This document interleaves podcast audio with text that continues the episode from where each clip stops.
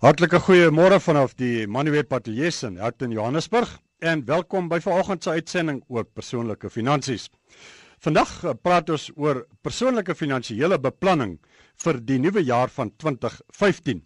En dit terwyl die bestuur van persoonlike finansies bemoeilik word deur groot onsekerhede rondom krities belangrike kwessies soos of rentekoerse verder gaan styg of koerse gaan stagneer en of koerse dalk selfs weer kan daal. Om jou persoonlike finansiële sake te bemoeilik, is daar ook nog sprake van beduidende belastingverhogings wat teen Maart kan inskop. En dan is daar ook geen waarborg dat die laer olieprys en dus ook veel laer brandstofpryse nie weer beduidend kan styg nie. My ateljee gas wat vanoggend luisteraars vra gaan beantwoord oor wat mense hier vroeg in die nuwe jaar kan doen om jou finansiële sake behoorlik te beplan dis Sonel Veldman, finansiële beplanner en bestuurshoof van Foundation Family Wealth in Johannesburg. Goeiemôre Sonel en hartlik welkom by vanoggend se uitsending van uh, persoonlike finansies. Dag sê Andries, dis baie lekker om hier te wees. So nou, uh, kom ons uh, begin by die nuwe finansiële jaar. Jy vroeg in die jaar, is dit werklik nodig dat mense aan die begin van die jaar oor jou finansiële beplanning herbesin of gaan mense maar op die gewone trant aan in herbeplan soos vir die jaar nou vorder? Andries, jy het nou klaar gesê, dit is mos nou nie asof jy nou vir 2015 'n spesiale plan moet maak nie. Dit is um volgende paar dae in die jaar. Maar 'n mens voel tog hierdie tyd van die jaar jy wil skoonmaak, nuut begin, aan nuwe dinge dink. Party van ons het nuwejaarsvoornemens gehad. So dit is waarskynlik 'n goeie tyd, um, terwyl 'n mens nou vol energie is nadat jy van vakansie af teruggekom het om die dinge te doen en voor die jaar nou sy loop neem en te vinnig aangaan. So ek sou sê, jy weet dit is 'n goeie dit dis regtig 'n goeie tyd. Ek het self gisterand 'n bietjie na my sake gekyk en 'n mens voel tog jy jy het meer moed daarvoor as wat jy laas jaar daarvoor gehad het. Nou die lyne die flits hier so ons gaan nou nou die oproepe begin neem en die SMS uh, kontak besonderhede 3343 gevolg deur die sleutelwoord uh, geldsakke. Kom ons praat sommer gou-gou met uh, Andrius in Germiston. Andrius, goeiemôre. Jy kan my jou vraag vra. Goeiemôre. Uh, jy jy kan my jou vraag vra Andrius. Dit is Andrius Andrius hier op die lyn. Man, ek wil nie eintlik 'n vraag vra nie. Ek wil net vir julle vra of julle nie in toekoms mense praat altyd van finansiële beplanning, nê, wat goed en wel almal moet dit doen. Maar mense wat teëspoed in hulle lewe gehad het wat nou probeer regkom, het julle nie 'n bietjie raad en toekomse algemeen dink vir mense dalk een program het. Dis al wat ek wil vra baie dankie. Baie dankie dat jy geskakel het. As jy nog daar, Andries? Ja, ja, ja. Gee vir ons 'n idee, wat se tipe van teëspoed is dit nou iemand wat sê dan maar in skuldberading beland het of uh, finansiële ja, moeilikheid en nou probeer probeer die persoon daarby uitkom? Werk verloor en mense wat uh wat uh die jy weet algemene finansiële probleme wat deur baie baie oorsake verkeerde besluite uh, hmm. werk ouens wat jou nie betaal by die plek waar jy werk en plekke wat bankrot gaan en dit daar's soveel dinge en daar's soveel ellende in die land en almal praat altyd net van hoe die mense geld moet belê en hoe jy met jou lewe verbeter wat regte ding is, maar dit werk nie altyd so glad. Ja, nou maar goed, baie dankie dat jy geskakel het Sonel. Dis nou 'n baie vraag hier, ons kan sekerlik nie in die besonderhede ingaan nie, maar as daar mense is volgens te dis deel van die onderwerp wat ons bespreek wat in 'n finansiële krisis is, wat gemaak? Ja, ehm um, Andries, dis 'n weet eh, dis dis moeilike probleme waardeur mense gaan maar ek dink die reëls bly dieselfde vir vir almal. Weet ouens wat deur regtig moeilike omstandighede gaan of ouens wat maar elke elke dag spaar is ehm um, is die dissipline dink ek. En ehm um, erns moet jy begin die moed om erns te begin. En ehm um, jy weet ek het uh, laasweek met 'n kliënt gesit wat ons teruggekyk het oor die laaste 2 3 jaar wat deur 'n baie baie moeilike tyd gegaan het. En en jy moet die moed hê om te begin erns en te gaan sit. En dit mag dalk wees dat jy moet vir skuldberading gaan of jy moet 'n uh, finansiële beplanner gaan sien of jy moet die bank gaan sien. En dis daai eerste stap. En uh, en dan daarna is dit maar die die dag vir dag ehm um, dissipline om te hou by die plan wat jy gemaak het So wat jy vir my sê is so doen iets om 'n regruk uh, aksie in plek te kry in plaas dat jy daar bly sit en net verder en dieper in die moeilikheid raak. Hoe daai regruk aksie kan wees, daar's 'n verskillende maniere daarvoor, maar moenie stil sit en dieper in die moeilikheid raak nie. Nee, nee, definitief nie. Weet, moet net nie jou kop soos 'n volstrys in die sand druk nie, want dit gaan net die probleem erger maak. Begin erns. Doen iets en uh, doen dit vandag. Hoe gouer jy dit doen, hoe beter. As 'n gesegde wat sê die beste tyd om 'n ding te doen is reg nou. Kom ons kyk uh, vir weet ons daar op die lyn is uh vir uh, Gerard van Louis Trigard. Gerard, goeiemôre. Jy kan my jou vraag vra. Goeiemôre. Okay. Maar ek is 'n uh, selfred werk op kommissiebasis. Uh so dinge nou gaan is die salaris maar redelik wisselvallig en en dit verskil met tot en met 10000 rand 'n maand wat wat dit baie moeilik maak. Hoe gaan 'n mens te werk? Want op hierdie stadium wat laas maand nou te veel was moet of wat was moet maak. So as jy regtig ekstra om mee te spaar en goed, hoe beplan 'n mens ordentlik as jy op kommissie werk? Daar sê baie dankie vir uh, die inskakel is een van die onsekerhede. Ons het hom nie pertinent by die naam genoem nie uh, aan die begin Sonel, maar die punt ter sprake is dis onsekerhede. Dis 'n onbekende faktore by jou finansiële beplanning. Hoe werk 'n mens met die onbekendes, met die onsekere? Ja, ehm um, Andries, ek sê altyd vir mense probeer om 'n gemiddeld te kry. Ehm um, want eers moet jy tog kry. Kyk, jy weet as jy na jou geld sake kyk, kyk na die laaste 3 maande of die laaste 6 maande en uh, probeer om vir jou 'n tipe van 'n gemiddeld te te kry en 'n patroon te ontdek in jou kommissie. Daar moet tog seisoene wees. Elke industrie is anders. Hoe is jou hoe werk jou seisoene? Ehm um, jy, jy weet dat jy geen kommissie in Desember nie, maar jy het goeie jare of goeie maande in Junie of Julie. Dan moet jy dit in ag neem en dan moet jy maar met vir die met die vet maande moet jy spaar vir die maar maande uh, want uiteindelik moet jy op jou gemiddeld uitkom of jou jy weet en jy moet uh, vir daai slegte maande moet jy maar voorsiening maak. En ehm um, die weet ek ek wil eintlik maar die punt maak ook hier oor onsekerheid in in terme van finansiële beplanning. Ek dink dis iets wat in die laaste paar jaar al hoe meer ehm um, seker is is dat vir die gewone individu daar buite is um, finansiële beplanning al hoe onsekerder. Want jy is nie meer gewaarborg van jou indiensneming nie. Jy's nie meer gewaarborg van jou pensioen nie. Jy's nie meer gewaarborg van jou mediese skema nie. Uh dit kan verander. Daar kan belastingveranderings wees rondom medies. Daar kan belastingveranderings wees. Ons verwag hierdie jaar dat jy weet een of ander vorm van belastingverhoging gaan kom um, of dit nou persoonlike belasting is of dit in uh in die in die petrolprys gaan wees wat hulle dalk die die die heffing gaan opsit.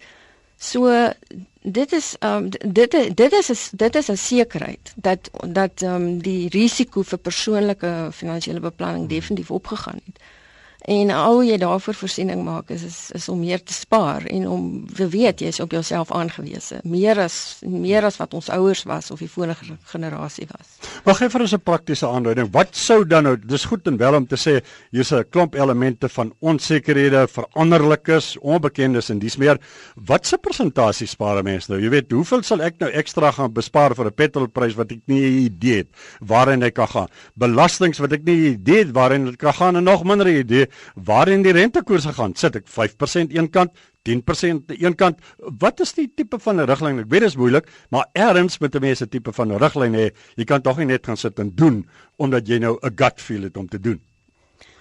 Kyk in gesonde finansiële beplanning moet mens darm ten minste so werk om so tussen 3 na 6 maande se inkomste in jou lewe op sy te sit sodat as jy iets, jy weet as daar 'n 'n groot onbekende of 'n veranderlike op jou afdruk ja. op jou ja. aankom. Jy weet dat jy dat jy dit kan ehm um, oorleef. En dan natuurlik net vir aftrede is daar verskeie navorsing wat al in ons land gedoen is wat sê 'n mens moet ten minste 16 of 17% van jou salaris spaar, jou bruto salaris.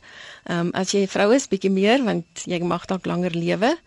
So so dit is daar wie daai syfer is uh, is is redelik goed nagevors. Ja, ons het dan praat nou hier van die onsekerhede en die veranderlikes, maar die woord, ek dink die mooi woord wat hulle gebruik met die opstel van 'n begroting is die onvoorsiene uitgawes. En dis omtrent waar hierdie tipe van goed dalk ja. kan by inkom. En die onvoorsiene uitgawes weet ons ons seker hulle kom. Daar was 'n stadium gewees wat hulle gesê het die mense wat uh, my geleer het gesê jy moet omtrent so 10% daar sit vir onvoorsiene uitgawes. Is dit nog 'n syfer wat mense op werk of is dit net 'n oudtydse syfer? Nee, weet jy, ek kan nou nie vir jou ek kan nie vir jou sê van 'n van 'n persoonlike begrotings um, oogpunt af nie. Ehm um, of daai of dit die tipe van syfer is nie. Ou ou moet gaan kyk na jou eie patrone, jy weet, en gaan hmm. kyk. Ek kyk altyd 3 tot 6 maande van my eie patrone en dan kyk ek hoeveel van dit is on, onvoorsien en dan maak ek daarvoor voorsiening. Ja, dit met ander woorde jy bepaal die risikofaktore, die elemente in jou begroting waar risikofaktore risikofaktore is. Het sy dan nou opwaartse risiko, meer uitgawes of dalk dan selfs afwaartse risiko's wat uiteindelik neerkom op uh, besparings. Maar kom ons praat met Dion. Goeiemôre van Pretoria. Dion, jy kan my jou vraag vra? Môre uh, Andries, môre Sonel. Ehm um, dankie vir die geleentheid. Ehm um, my man, as ek so luister aan julle dan dink ek uh, ek my my vorige werkgewer het my baie groot guns gedoen om na byna 30 jaar my uh, pakket te gee. Eintlik het ek elke liewe sent wat ek bygedra het aan my pensioenfonds kon vat en um, ek het daardie geld uh die meeste eintlik elke sent daarvan in hierdie blue chip aandele gaan insit. En ek uh is is redelik tevrede met hoe dit uh, presteer op hierdie stadium die laaste 3, 4 jaar. Maar uh wat ek ook gedoen het is ek het uh aangehou met my professionele ehm um, opleiding en ek het 'n professionele praktyk uh aan die gang gehou. Ek het nie ophou werk nie. Ek is egter bekommerd dat uh ou uh, het goeie groei gehad hierdie laaste 3 4 jaar. Natuurlik gaan hy op en af en ou ehm um, het, het redelike verwagtinge soos wat die slim manne hele mense ook vir ons mooi verduidelik het. Ehm um, maar wat wat is die wat is die vooruitskatting? Waarna kyk ou ehm um, is hierdie jaar nog 'n redelike groeijaar? Daar was uh, etlike jare gelede en ek praat so van 3, 4 jaar gelede was daar lekker groot groei gewees op op hierdie blue chip aandele. Ja. Maar dit dit lyk asof dit nou begin stabiliseer. Daar is weliswaar nog steeds groei. Ja, um, Dion, baie dankie vir jou vraag en jou inset. Uh, die fokus vanoggend hier is nie noodwendig nou op die beleggingsgroei wat ons vir jaar kan verwag nie. Ek kan noem dat in gisteraand se RSG geldsaake het uh, ons met beleggingskenners gepraat en die gevoel is dat uh, die buitensporige groei beleggingsgroei wat ons oor die afgelope paar jaar gesien het dat dit nie noodwendig vanjaar weer gaan plaasvind nie. Trouwens van die voorste markkommentators die reken dat uh, dit kan moeilik wees om oordentlike groei te bewerkstellig vir jaar as gevolg van die omstandighede Sonel, dis baie duidelik uit uh, die oproepe wat ons tot dusver gekry het. Die vrae wat ek op die SMS sien is uh, baie van die vrae gaan rondom onsekerheid rondom inkomste, rondom uitgawes. So, as ons dan nou ons finansiële beplanning vir die jaar gaan doen en jy gaan sit en kyk na hierdie twee kante van jou persoonlike balansstaat of is dit nou 'n proefbalans, maak dit nie saak nie, maar van jou persoonlike begroting, uh, wat is die belangrike aspekte wat jy nou sou aan elke kant van daardie uh, begroting sou uitsonder en sê as jy nou moet prioritiseer, waarna moet ek nou kyk? om te sorg dat ek darm 'n ordentlike basis vorm vir my finansiële beplanning. So Andries, daar's twee state waarna jy moet kyk. Jou een is natuurlik jou wat soos jy sê jou inkomste en jou uitgawes. En dan die ander een is ook jou bates en laste. En kom ek begin sommer by daai een. Ek dink ook dis 'n goeie gewoonte om een keer in 'n jaar uh, jou bates en laste op te skryf En daar's verskeie redes daarvoor. Jy weet dit kan jou uh, baie uh, lekker sin van vordering gee in uh, as jy vordering maak daarmee. Jy betaal jou skuld af of jy bou jou bates op. Ek het ook 'n kliënt gehad jare terug wat elke jaar by my gekom het met sy balansstaat en dan sy trots op wat hy in die laaste jaar vermag het. En ehm um, so daai balansstaat is ook belangrik vir ander redes. Dis belangrik dat dit op datum is uh, um, sou jy iets oorkom en dat mense sou weet wat is jou bates en jou laste.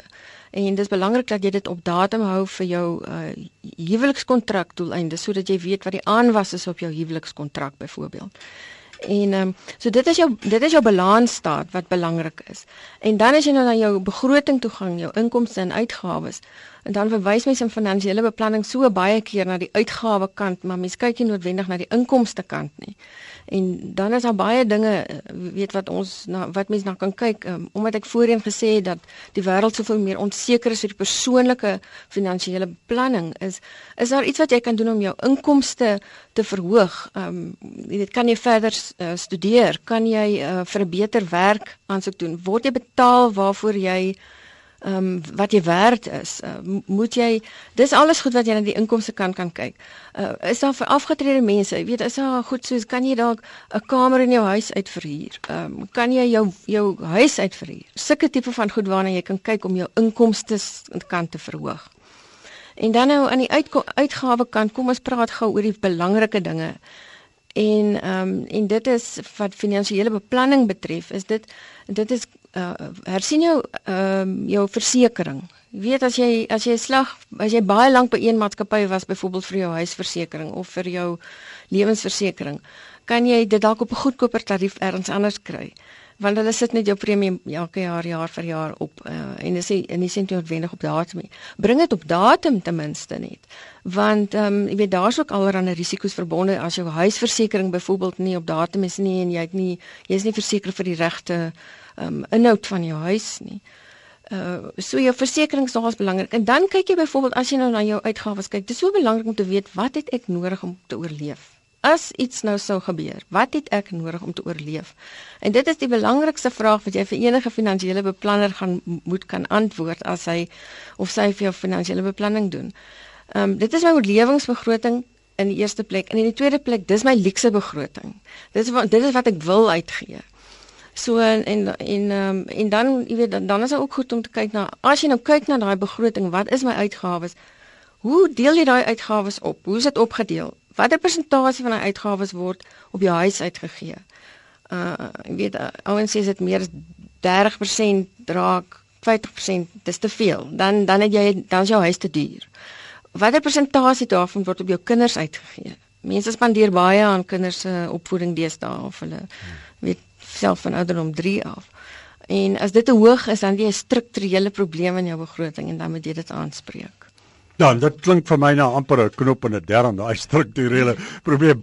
Uh, Hier's 'n SMS wat ons gekry het uh, en dis moeilik om die vraag pertinent te beantwoord, maar ek sal vir jou uh, by die punt uitbring. Uh, die vraag is hierso, ons is reeds uh, byna op after die ouderdom, maar het 'n geldjie te spaar. Nou is dit die moeite werd om nog 'n uh, eiendom te koop as belegging, veral met die geluide oor ekstra belasting op ekstra eiendom.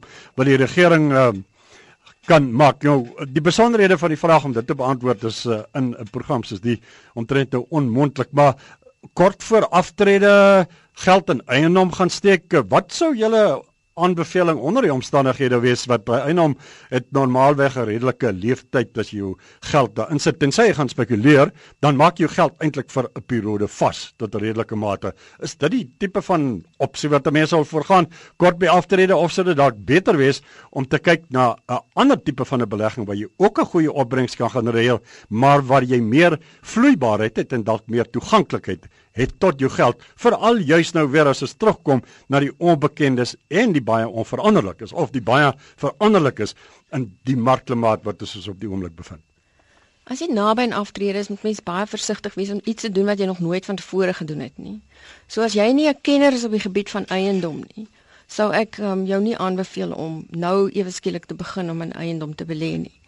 En dan is daar natuurlik 'n ander beginsel en moenie al jou geld in een mandjie sit nie um, of al jou eiers in een mandjie sit nie. So as jy dan nou net een enkele eiendom gaan bykoop of dalk een of twee en jy's nie regtig kenner op die gebied van eiendom nie, dan sou ek sê dan is dit beter dat jy maar liewer gaan na iets soos 'n eiendomsfonds toe of iets wat 'n mandjie van beleggings is wat 'n veiliger belegging is.